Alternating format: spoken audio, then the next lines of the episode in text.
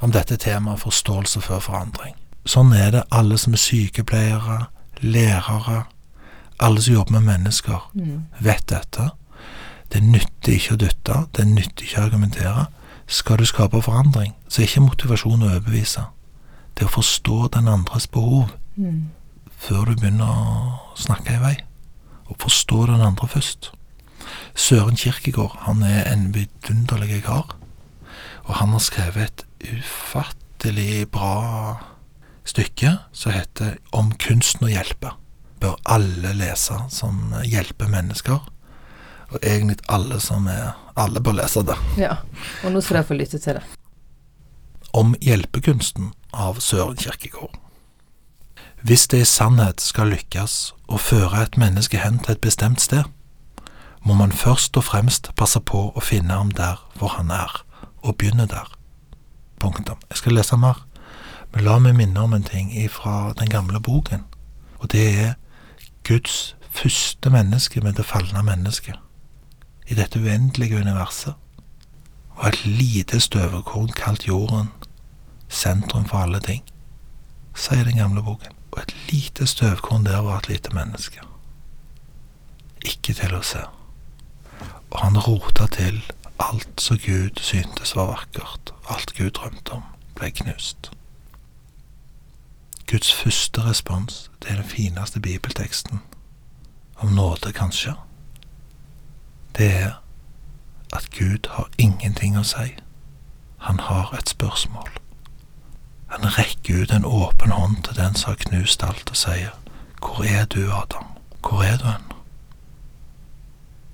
Så står det i den gamle boken at man skal ta imot hverandre, sånn som han. Det er jo de fineste ord man kan tenke seg. Å bli møtt på den måten. Og det må være et mål for oss at vi søker å være sånn. Ikke å bli møtt sånn, men å være sånn i møte med andre. At vi søker å se den andre situasjonen, samme hva som har rammet oss. Sånn står det i den gamle boken. Det er vårt mål. Så sier Søren Kierkegaard. Hvis det i sannhet skal lykkes å føre et annet menneske hen til et bestemt sted, må man først og fremst passe på å finne ham der hvor han er, og begynne der. Dette er hemmeligheten i all hjelpekunst.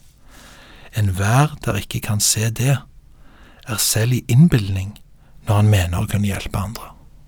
For i sannhet å kunne hjelpe andre, vi forstår forstå mer enn han, men dog, vel først og fremst forstå det den andre forstår.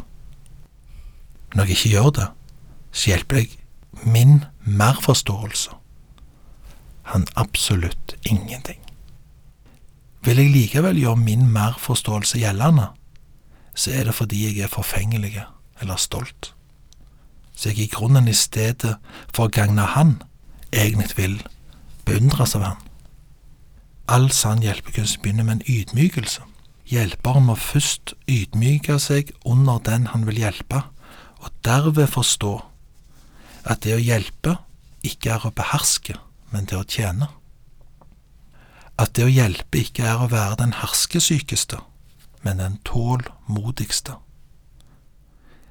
At det å hjelpe er vilje til inntil videre. Dette må jeg ta en gang til, for det er så nydelig, altså. Det er det fineste av alle ordene her. Det er å hjelpe er villighet til inntil videre å finne seg i å ha urett, og ikke å forstå det den andre forstår. Vi må tåle å bruke tid, holde oss rolige, for å forstå hva den andre tenker, håper, ønsker, og plages av hva som er om å gjøre for den andre. Det er kjærlighet. Motet til å tåle å vente. Og lytte og prøve å finne ut og gi den andre rom. Det er kjærlighet.